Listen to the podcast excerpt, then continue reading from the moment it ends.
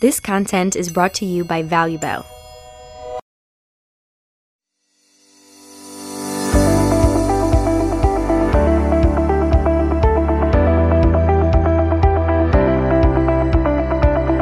IL Angels הוא פודקאסט ליזמיות ויזמים שרוצים לגייס הון בשלבי פרה-סיד, סיד ו-A ראונד. בתוכנית התארחו מייסדים ומייסדות שגייסו בהצלחה, מומחי השקעות ואנג'לים על מנת לחלוק את הידע והניסיון שלהם ולספק לכם את כל המידע הדרוש כדי לקחת את הסטארט-אפ לשלב הבא. בואו נתחיל. היום אנחנו מארחים את אה, סיימון לגזיאל. במשך אה, חמש שנים הוא השקיע בעשרות אה, חברות בשלבים pre-seed ו seed. מעבר לכך הוא מתעסק גם בהשקעות בנדל"ן. סיימון, תודה רבה שבאת. תודה שהזמנתם. בואו נתחיל אולי בתחנות עיקריות בקריירה. איך בעצם הגעת להיות angel פעיל? אז אין הרבה תחנות. באמת לפני שהתחלתי להשקיע בהייטק, שנת 2008, היה המשבר הגדול, הצטרפתי לעסק אה, של ההורים שלי, היה להם עסק אה, לייצור יהלומים, ליטוש יהלומים בארץ. זו הייתה תקופה מדהימה להיכנס, זה מצחיק, כי זה בדיוק הפוך ממה שכולם חושבים, אבל להתחיל במשבר זה אולי הדבר הכי נכון. אז uh, באמת התעסקתי ביהלומים שמונה שנים. בגדול, uh, סוף 2016 הגענו להחלטה שבאמת uh, תחום ההורים שלי 45 שנה התעסקו ביהלומים. אחרי 45 שנה הבנו שבאמת העסק לא הולך לגדול, אני לא יודע, יש אנשים שיותר מכירים את התחום. עסקי היהלומים בארץ אה, הם לא, לא בעלייה, אפילו לשון המעטה, והחלטנו לסגור את העסק. רצינו משהו שיהיה עם רוח גבית ומשהו מעניין, ולא הייתה תוכנית. התחלתי עוד לעבוד ביהלומים בגיל 16, אז מבחינתי היה לי ברור שאני הולך לעבוד ביהלומים כל החיים. אז אה, אתה יודע פתאום אחרי שמונה שנים להגיד טוב אה, אנחנו סוגרים אותי זה הפתיע לא תכננתי ורציתי להיכנס למשהו שאני מאוד מאמין בו. בסוף היהלומים בתקופתם היו המנוע של התעשייה מאוד רציתי להיכנס לתחום כזה. עכשיו לי אין שום רקע טכנולוגי אבל uh, מאוד התחברתי לתחום אז אמרתי אני אתחיל להתעניין ולהכיר ולראות מה אני יכול לעשות אה, וראיתי שזו נישה שיכולה להתאים לי. תחילת 2017, עסק היהלומים נסגר, אתה, יש לך משרד ורעיון להיות אנג'ל לסטארט-אפים, מה קורה בשלב הזה? עד חודש לפני סחרו שם ביהלומים, פעילות גדולה, אתה מגיע, אני מניח, די לבד. איך הכל מתחיל? זה קשה, זה קל? קודם כל זה לא קל, אבל uh, זה מאוד מעניין. מאוד מעניין. כמו שאמרת, היינו לפני איזה 50 איש והייתה תעשייה והמשרד היה תוסס, עסק מדהים. פתאום יום אחד אני מוצא את עצמי לבד, פתאום אף אחד לא מתקשר ב-5 בבוקר או ב-12 בלילה, ולא ידעתי לאיזה כיוון אני הולך. לא היה לי נקודה ברורה, אנחנו משקיעים גם הרבה בנדל"ן, ולא ידעתי לאן אני רוצה ללכת. כשהתחלתי לבחון את כל תחום ההייטק, הבנתי שזה המקום שאני רוצה ללכת אליו. הבנתי שאני רוצה תעשייה כזו, תעשייה פורחת, תעשייה אה, יוצרת, אנשים מאוד חכמים, אנשים רצים, אנשים אנרגטיים, זה שני תחומים מאוד שונים, היהלומים וההייטק. אתה לא באמת יודע מה זה הייטק אתה מבין ש-EY מתעסקים בסטארט-אפים אז אתה פונה לחבר שבדיוק סיים שם התמחות ומתחיל אה, להגיד לו תשמע אתה יכול להכיר לי את זה וזה מה שעשיתי פחות או יותר. התחלתי להסתובב ולבקש מיזם אה, היכרות אה, למשקיע וממשקיע היכרות לרואה חשבון ומרואה חשבון וכך הלאה. וזו תעשייה הכי מקבלת שיש וכל פגישה מניבה לך ארבע פגישות וכל ארבע פגישות מניבה לך 16 ואתה לא מסיים את היום בניגוד לתעשיות אחרות שאני חושב שהן מאוד שומרות אינפורמציה בפנים. אז כך התגלגלתי ואז הכרתי מיזם והכרתי עוד מיזם והתחלתי להשקיע ואז ברגע שאתה משקיע אז uh, אתה פוגש עוד משקיעים אחרים וזה כמו כדור שלג. בוא נתעכב רגע על הנושא הזה של הרשת החברתית הזאת שפועלת, כי בהרבה מאוד אה, מחקרים שעשו נגיד על התקופה שבה הוקם המערך הראשון אה, בסיליקון וואלי, הם בעצם מתארים דבר דומה. הבסיס הוא שאנשים מוכנים לעזור לאנשים אחרים, שברוב המקרים הם אפילו לא מכירים אותם, כי הם חלק מאותה תעשייה, והאתוס הוא שאחד עוזר לשני. איך בעצם אה, אתה יכול אה, להסביר ליזם בתחילת דרכו, איך לייצר את הרשת הזאת? מה בעצם נדרש על מנת שבאמת יקרה מה שאתה מתאר שקרה לך? מה הדרך הנכונה לפעול ואיך הדרך הנכונה לנצל את זה? כי בסוף אני תמיד מאמין, מינון זה הכל בחיים. צריך לדעת לא לעשות לזה abuse. ואתה רואה תופעות מסוימות שקצת עושים לזה abuse, אז צריך להיזהר מזה. צריך לראות שחיבור תמיד מועיל לשני הצדדים. וזה אפשרי. אז הייתי אומר ליזמים, מצד אחד, תנצל את זה, תנצל את זה כמה שיותר, תנצל את זה שאתה יכול להגיע לכל בן אדם, אבל תראה שגם לבן אדם השני יש איזשהו אינטרס. כי בסוף, אני חושב שלכל אחד אין בעיה להכיר מישהו כטובה, פעם אחת או פעמיים. אבל אה, אם אתה רוצה שאנשים יעניין אותם, אז אתה צריך למצוא את המוטיב. זו כבר תועלת ענקית בתעשייה, כי אני באמת, אני מכיר אני עדיין מתעסק המון בנדל"ן, זה לא מובן מאליו. אז צריך לראות איך מנצלים את זה בצורה הנכונה וההגיונית ביותר. בתור משקיע פרטי בהייטק, באיזה תחומים אתה מתמקד? כמו שדיברתי מקודם, הבנת שאני לא הטכנולוג הכי מבריק בשכונה, ולא האיש product. רוב ההשקעות שלי הן אה, מבוססות על, ה, על האנשים ועל הצוות. וגם שיש שם אה, מבחינה עסקית, מבחינת מודל עסקי, מבחינת אה, מספרים. אין אה, vertical מסוים שאני משקיע בו, יש כמה ורטיקלים שאני לא נוגע בהם, כמו medical או gambling, כל התחומים האפורים. בגדול אני מחפש צוות חזק ושוק גדול, שיש שם מודל עסקי, נכון. צריך לראות חדירה לשוק טובה, אבל uh, בסוף אלה הדברים, אתה יודע, לקרוא מספרים וכאלה דברים זה משהו שיותר קל לי מאשר uh, להבין את הטכנולוגיה. איך אתה מזהה צוות חזק? הייתה לי תחושה שתשאל את השאלה הזו. צוות חזק זה, זה מספר דברים מסוימים בתוך סיטואציה. זאת אומרת, מליד היזם, פגשתי צוות לפני שנתיים, פחות או יותר, מאוד התחברתי לכל אחד מהם. באמת, מאוד התחברתי, בפן האישי לכל אחד מהם, וחשבתי שהם מאוד חזקים, אבל הם היו צריכים להפוך תפקידים ביניהם. ואני בסוף בתור משקיע אני לא אוהב להתערב ולדחוף. עכשיו, הייתי איתם בקשר המון חודשים. לא הייתי אומר להם, אתה צריך לעשות הפוך מהתפקיד הזה, ו... ובסוף לא השקעתי בהם. למה? הם צוות חזק, אבל uh, זה, לא, זה לא תמיד זה. זה הרבה פעמים האינטואיציה שלך בתור בן אדם אומרת, רגע, הוא צריך להיות המנכ"ל, או הוא צריך להיות ה-CTO. אתה למשל אמרת לפני רגע, אני לא אגיד להם להחליף תפקידים. זה לא התפקיד שלי. אז איך אולי אה, אה, אתה רואה את עצמך כ... בגלל שאני משקיע קטן יחסית אה, באחוזים שלי בחברה, אני מעדיף אה, לא להתערב, ואני תמיד שם אם צריך להתייעץ, או, או אם צריך עזרה בחיבור. בסוף מאוד קשה לבוא ולהיכנס לתוך חברה ולהגיד להם תעשו אה, משהו שהוא מהותי מאוד בשביל החברה, אה, אם אתה לא בטוח בו ב-100%. התקשר אליי ליזם לפני כמה חודשים ואומר לי, והייתי, ואני המשקיע היחיד שלו. והוא אומר לי, סיימון, אנחנו קיבלנו הצעת רכישה, אנחנו מאוד מבסוטים מזה. אמרתי לו, קודם כל, מה שאתה עושה, אני איתך, כי בסוף זה החיים של היזמים וכמו שאמרתי אני חלק קטן בחברה אני נותן להם לעשות מה שהם רואים לנכון אבל אמרתי לו אני אישית חושב שאתה יכול להגיע להרבה יותר. אתה יודע אתה מתקשר אליי נרגש מהצעת uh, רכישה אבל uh, הדבר הנכון מבחינה אסטרטגית הוא לא למכור. Uh, למזלי הוא לא מכר בסוף ובאמת uh, היה שיפור מהותי בחודשים האלה אבל. Uh, קשה לבוא ולתת המלצה אבסולוטית. היזמים חיים את החברה כל יום. אתה יודע, כששואלים אותי, תמיד יש לי דעה, אבל, אבל אם לא שואלים אני לא אתערב. אם זה משהו מאוד מאוד אה, דרסטי, אז אני מרשה לעצמי להביע את דעתי. תגיד, לא מדגדג לך להיות מהמשקיעים הגדולים שדעתם קובעת ואתה יכול אה, אה, להציל אה, יזמים אה, מהחלטות שגויות? קודם כל, אה, אבא שלי תמיד לימד אותי שתמיד תהיה מבסוט איפה שאתה.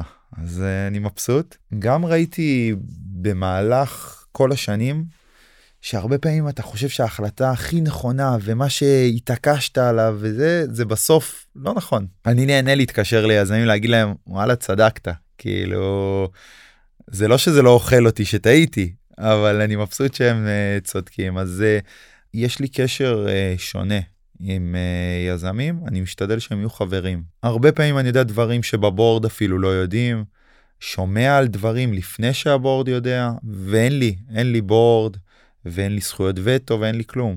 בסוף זה קשר אישי, ואתה לא מעוניין שהם יעשו משהו בגלל שזה, ואני גם חושב שרוב המשקיעים, גם בקרנות הגדולות והמשקיעים הגדולים, גם זו דעתם. אני בקשר עם הרבה יזמים והרבה משקיעים, ואני רואה הדרך הנכונה בסוף היא שהם יסמכו עליך.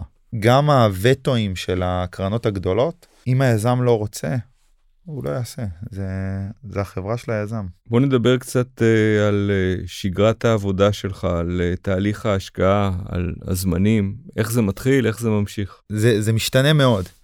אין תהליך uh, מסודר, הרבה פעמים אני מצטרף לסיבובים קיימים, אז uh, תלוי בסיבוב. אני משתדל מאוד להיות מהיר, אני חושב שבסוף בתעשייה הזו יש יתרון למהירות. בעיקר, בעיקר, בעיקר בשלבים ההתחלתיים. שזו ממש הדחיפה הראשונה, אז חשוב שזה יהיה מהיר, וסיבוב ממוצע לוקח כחצי שנה. בהתחלה אין חצי שנה, אז צריך לעשות את זה מהר. אני משתדל לטוב ולרע, גם כשאומרים לא, אז לא, וגם כשאומרים כן, אז uh, שזה יהיה מהיר.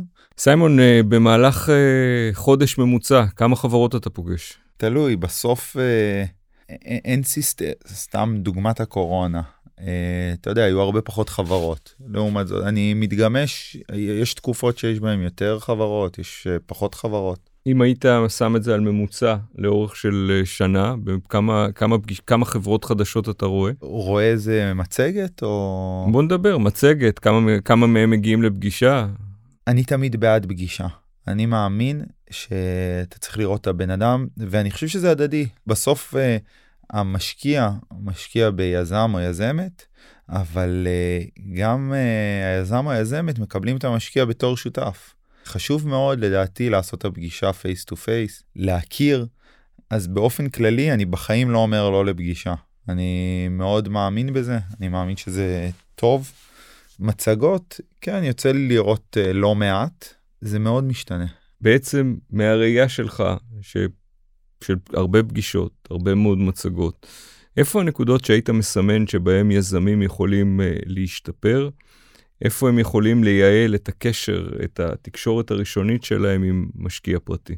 כמו שאמרתי מקודם, הדבר שאני חושב שהוא הכי נכון זה לשאוף ל face to face. אני חושב שזה לא רק עם משקיעים פרטיים, זה גם עם קרנות וגם עם, אה, עם כל סוג של משקיע.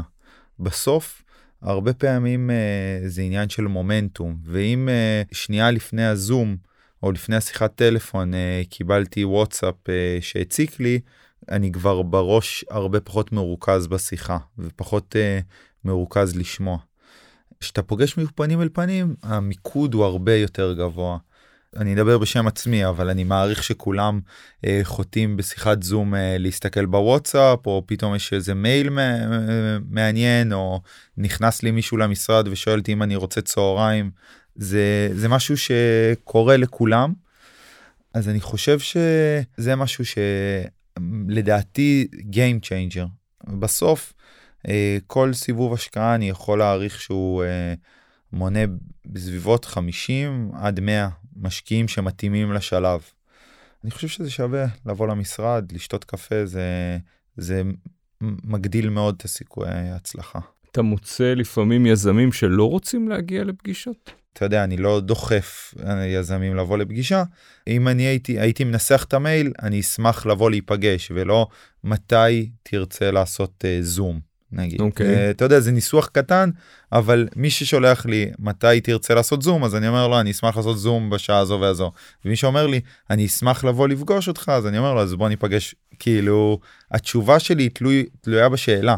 בעצם מה שאתה פה מחדד אה, ליזם או יזמית, תבקשו פגישה. מקסימום יגידו לכם לא, אבל בדיוק. תבקשו אותה. נכון, כי אין כמו פגישת פנים אל פנים על מנת אה, לקדם דברים. זו גישתי. בוא נעבור שלב.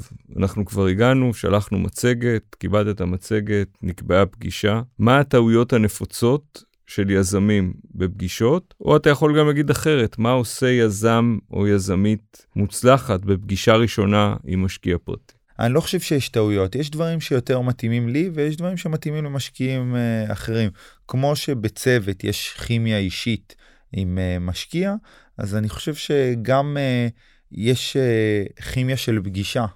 כל אחד אוהב לנהל אותה קצת אחרת. אני חושב שאחד הדברים החשובים זה קודם כל להגיע בזמן. שזה לפעמים נראה בקטנה ולפעמים זה, אבל להגיע חמש דקות קודם, אני אוהב את זה. ברשותך, לפני הפגישה, הייתי רוצה לדבר על משהו חשוב, זה איך היזם מגיע אליי. אני באופן כללי, קודם כל גם בגלל שלא הגעתי מהתחום, אה, וגם כי אני מאמין בזה, אבל אה, אני עונה לכל הודעה וכל אה, לינקדאין ו-SMS, או לפעמים סתם מתקשרים. אה, אני אוהב את זה. אני אמר- אמרתי לך, אני גם אוהב לפגוש אנשים, אז אני נהנה מזה. אבל אני רואה סינון גבוה של משקיעים, אה, אם מגיעים מסתם cold mail או לינקדאין, ובסוף אני מאמין שכל משקיע שרוצים להגיע אליו, בארץ לפחות, אפשר להגיע אליו מאוד בקלות. אז שווה לעשות את המאמץ הזה. זה משהו שהייתי נותן עליו דגש. כי בסוף, בסיבוב ממוצע יש מעט משקיעים שהם מתאימים לסיבוב הממוצע, אז צריך לטרגט אותם בפינצטה ולראות מי הבן אדם הכי נכון שיקשר לך אותם. לי יצאו כמה השקעות שעשיתי מלינקדאין. אני לא יכול, אני אוהב את הפלטפורמה ואני מבסוט, אה, אבל אני מכיר הרבה משקיעים שלא עונים ללינקדאין. זאת הייתה הנקודה, עכשיו נחזור לפגישה. אז תגיעו בזמן, אתה מוצא שיזמים נוטים אה, להתמקד יותר מדי בטכנולוגיה, זהו, במוצר נכון. ובפיצ'רים, אז- כלומר, כי זה איזה תחושה שהיא גם מוטיב חוזר ב, אה, בתחושות ש, שעם, עם משקיעים שאיתם דיברתי. אז לגמרי, אתה צודק לגמרי. אני פשוט חושב שזה לא קשור לאיפה היזם מתמקד, אני חושב שכל משקיע מעניין אותו לראות משהו אחר בחברה. יש משקיע שמעניין אותו לדבר על אה, מה היזמים עשו בילדות שלהם, ויש אה, משקיע שרוצה להבין את השורת קוד, ויש אה, משקיע שרוצה לדבר על הלקוחות שכרגע ב pipeline, ואיך הוא יכול לתרום לחברה. אז כל משקיע מחפש משהו אחר בחברה, ומחפש משהו אחר בכלל מהפגישה הזו. אז לדעתי צריך למקד את החמש דקות הראשונות בהיכרות של החברה, איך שהיזם רואה לנכון להעביר את החברה בחמש דקות. ואחרי חמש דקות לתת למשקיע לחתור לאן שהוא רוצה לחתור. ופתאום אתם תראו שהשיחה משתנה לגמרי. הרבה פעמים בפגישה של 45 דקות, שאתה יודע, יש hard stop אחרי 45 דקות, ואני מוצא את עצמי 40 דקות שאנחנו מדברים על הטכנולוגיה, וזה חבל, כי יכולנו לדבר 40 דקות על משהו שיותר מסקרן את המשקיע אה, להשקיע בחברה. איך היזם יודע, אבל לעשות את הזה? כי אם הוא מדבר בטכנולוגיה ואתה מקשיב לו, אז הוא ידבר עוד על טכנולוגיה, כי הוא, אולי הוא טכנולוג, כנראה. איך בעצם אתה יכול, יזם או יזמית יכולים להבין, חוץ מזה שהם הקשיבו לנו היום, ובשורה התחתונה אל תחפרו לי על טכנולוגיה איפה שאתם לא חייבים. כאילו, לא, זה לא, כן. יש, יש משקיעים שהיו רוצים לשמוע על הטכנולוגיה. אני פשוט חושב לא להגיע עם מתכונת בנויה מראש. תבואו ותזרמו עם השיחה. אני הרבה פעמים ליזמים אני אומר, עזבו את המצגת, בוא נדבר כאילו שיחה, זה מובל למקום הנכון של בסוף, שאתה יושב עם uh, חבר לקפה, אין מצגת. והשיחה היא שיחה עשירה וכיפית ולנושאים שמעניינים את בני האדם בשיחה. אז זה, זה אותו דבר. בסוף יזם ומשקיע זה מערכת יחסים, כמו כל מערכת יחסים, כמו חברים מהצבא או כמו בני זוג או כמו, כמו כל דבר. אז צריך להסתכל על זה ככה. צריך להיות פתוחים בשיחה. האם אפשר, אה, האם יהיה נכון להגיד שבאופן כללי אפשר להמליץ ליזמים להקשיב יותר למשקיעים? לא בקטע דידקטי כאילו של, אלא דווקא לא, ב, ב, לא, בשיחה. לא, כי הם יודעים יותר, היזמים כן. יודעים יותר טוב, כן. אבל אה, לא, אני, אני צוחק, אני חושב ש... אני, אני אומר זה אפילו לא להקשיב יותר, זה פשוט לבוא. אני יודע שתמיד אומרים תתכונן הרבה לשיחה ותתכונן הרבה, כן, אבל כשאתה בא מוכן מדי, אז השיחה מתבצעת בצורה מאוד מאוד מאוד מדויקת. ואני חושב שדווקא הגמישות של השיחה הזו היא מה שמעניינת.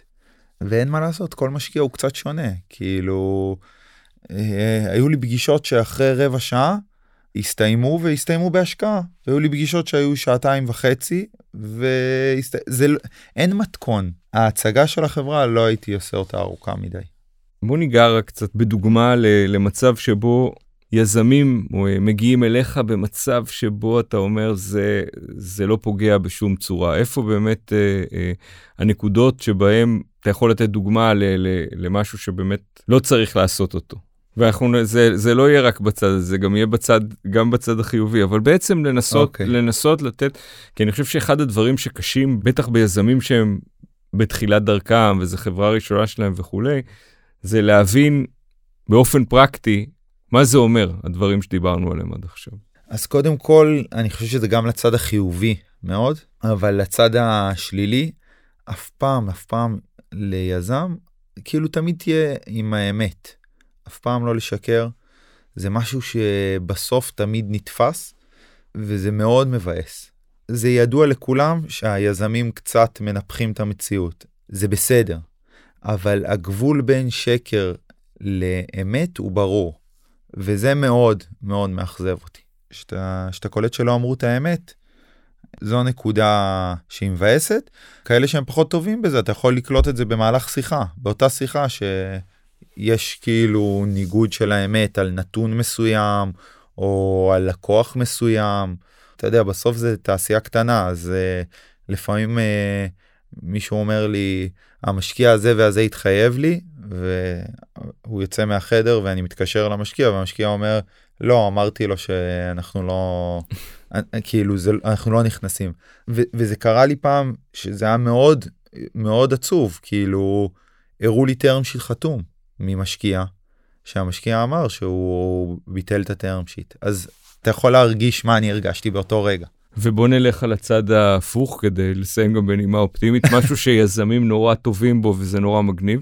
אז קודם כל אני חושב שגם הצד האופטימי, להיות מישהו אמין זה מאוד טוב. יזם שבא וגם מספר לך את החולשות, עוד פעם, לא בצורה מוקצנת, גם לא צריך כאילו לספר, לכולם יש את הבעיות שלהם. אז זה גם לגיטימי שגם ליזם יהיה את הבעיות שלו, אז אני כן מאמין שאמינות זה משהו מאוד חשוב. כולם מדברים על זה, אבל אני באמת חושב שזה הדבר החשוב, נחישות, נחישות, כאילו... בין יזם שמצליח ליזם שלא מצליח, הרבה פעמים זה מה שחסר, זה לא המתכון היחיד. הכמות לא שיזמים מקבלים במהלך הדרך היא אסטרונומית, ואני תמיד אומר ליזמים שאני בחיים לא הייתי מצליח להיות יזם. באמת, זה משימה הכי קשה שיש. אני חושב שגם המון המון המון משקיעים טועים, אז אל תאמינו להם. זאת האמת, זה... תמשיכו עם האמת שלכם. סיימון, אה, בתור מי שכמוך גם עמד בצד של המשקיע וגם אה, אה, בצד של היזם, אני מסתכל ואני אומר, תהליך גיוס ההשקעה אינו חף מפגמים. זה תהליך מסובך, יש בו הרבה מצבים של בזבוז זמן. הייתי שמח לשמוע על נקודת ההשקפה שלך, על באמת איפה התהליך הזה פגום ואולי איפה אפשר לשפר אותו. אני חושב שאין פה משהו פגום. אני חושב שבסוף כל אחד מסתכל על האינטרס שלו. היזם, המטרה שלו זה להכניס את הכסף כמה שיותר מהר, כדי לקדם את החברה כמה שיותר מהר. והמשקיע, המטרה שלו זה לדלל את הסיכון כמה שיותר. וזה בסדר, שני הצדדים יודעים את זה. בתור יזם, צריך לראות שלא עובר איזשהו גבול מסוים. לתת no shop ים ארוכים מדי, due diligence ארוך מדי או שהשקעת בו יותר מדי כסף. זה משהו שהרבה פעמים ראיתי בחברות, שה due diligence התארך ובסוף הטרם שיט נפל. אז צריך לראות כשמבקשים עוד הערכה ועוד הערכה ויש מקרים לא נעימים. אתה מדבר כרגע מהצד של היזם, כלומר שהמשקיעים מבקשים עוד הערכות ועוד, אה, ועוד פרטים ועוד... אה, אני חושב שבסוף הכל זה דו סטרי. אתה רואה את זה וזה נוצר גם הפוך הרבה פעמים. הרבה פעמים אתה רואה יזם שאומר, אם אתה לא משקיע היום, שבוע הבא זה סיבוב אחר. ובסוף זה קורה חודש ועוד חודש ועוד חודש. צריך תמיד להציב גבול לשני הצדדים. שהגבול יהיה ריאלי והגיוני. גם לפעמים יזמים מתקשרים ואומרים לי, סיימון, עוד שלושה שבועות אני מתחיל סיבוב במחיר אחר. מעניין אותך להיכנס? אז זה גבול הגיוני. או סתם לדוגמה, יש term sheet, אז נהוג לשים נון שופ של 60 יום, זה נהוג. וגם אם יש הערכה של 30 יום, זה הגיוני. אבל אם אחרי זה מבקשים עוד הערכה ו- ובלי הסבר הגיוני, צריך להיות ערניים לזה. כי יש חברות שנסגרות על זה. יוצא מצב שאתה בסוף ברן של חברה הוא לא ארוך במיוחד. תהליך לוקח בסביבות חצי שנה ועוד נון שופ של שלושה חודשים ארבעה חודשים אתה יכול להגיע לשנה ואתה מוצא את עצמך בנקודת אפס זו נקודה שחשוב אה, להיות ערניים אליה. אז אם אני יזם או יזמית אמין אמינה נחושה או נחוש איך מגיעים אל סיימון לגזיאל? קודם כל אה, אני באמת הכי בר השגה אני חושב בארץ לינקדאין אמרתי אני עונה גם בלינקדאין אבל uh, בסוף מסתכלים על חברות פורטפוליו ואומרים מה אני מכיר את היזם הזה כאילו תבקש חיבור וככה אני חושב שזו הדרך הכי נכונה אבל בסוף תגיע אליי אתה יכול לדפוק לי גם בדלת. סיימון תודה רבה שהיית איתנו היה לי ממש מעניין וכיף. היה לי כיף תודה על האירוח ושיהיה בהצלחה. תודה רבה. ובכן, תודה רבה שהייתם איתנו עד סוף הפרק. תירשמו בבקשה למעקב אחרינו בפלטפורמה שבה אתם מאזינים לנו, שתפו ונתראה בפרק הבא. תודה.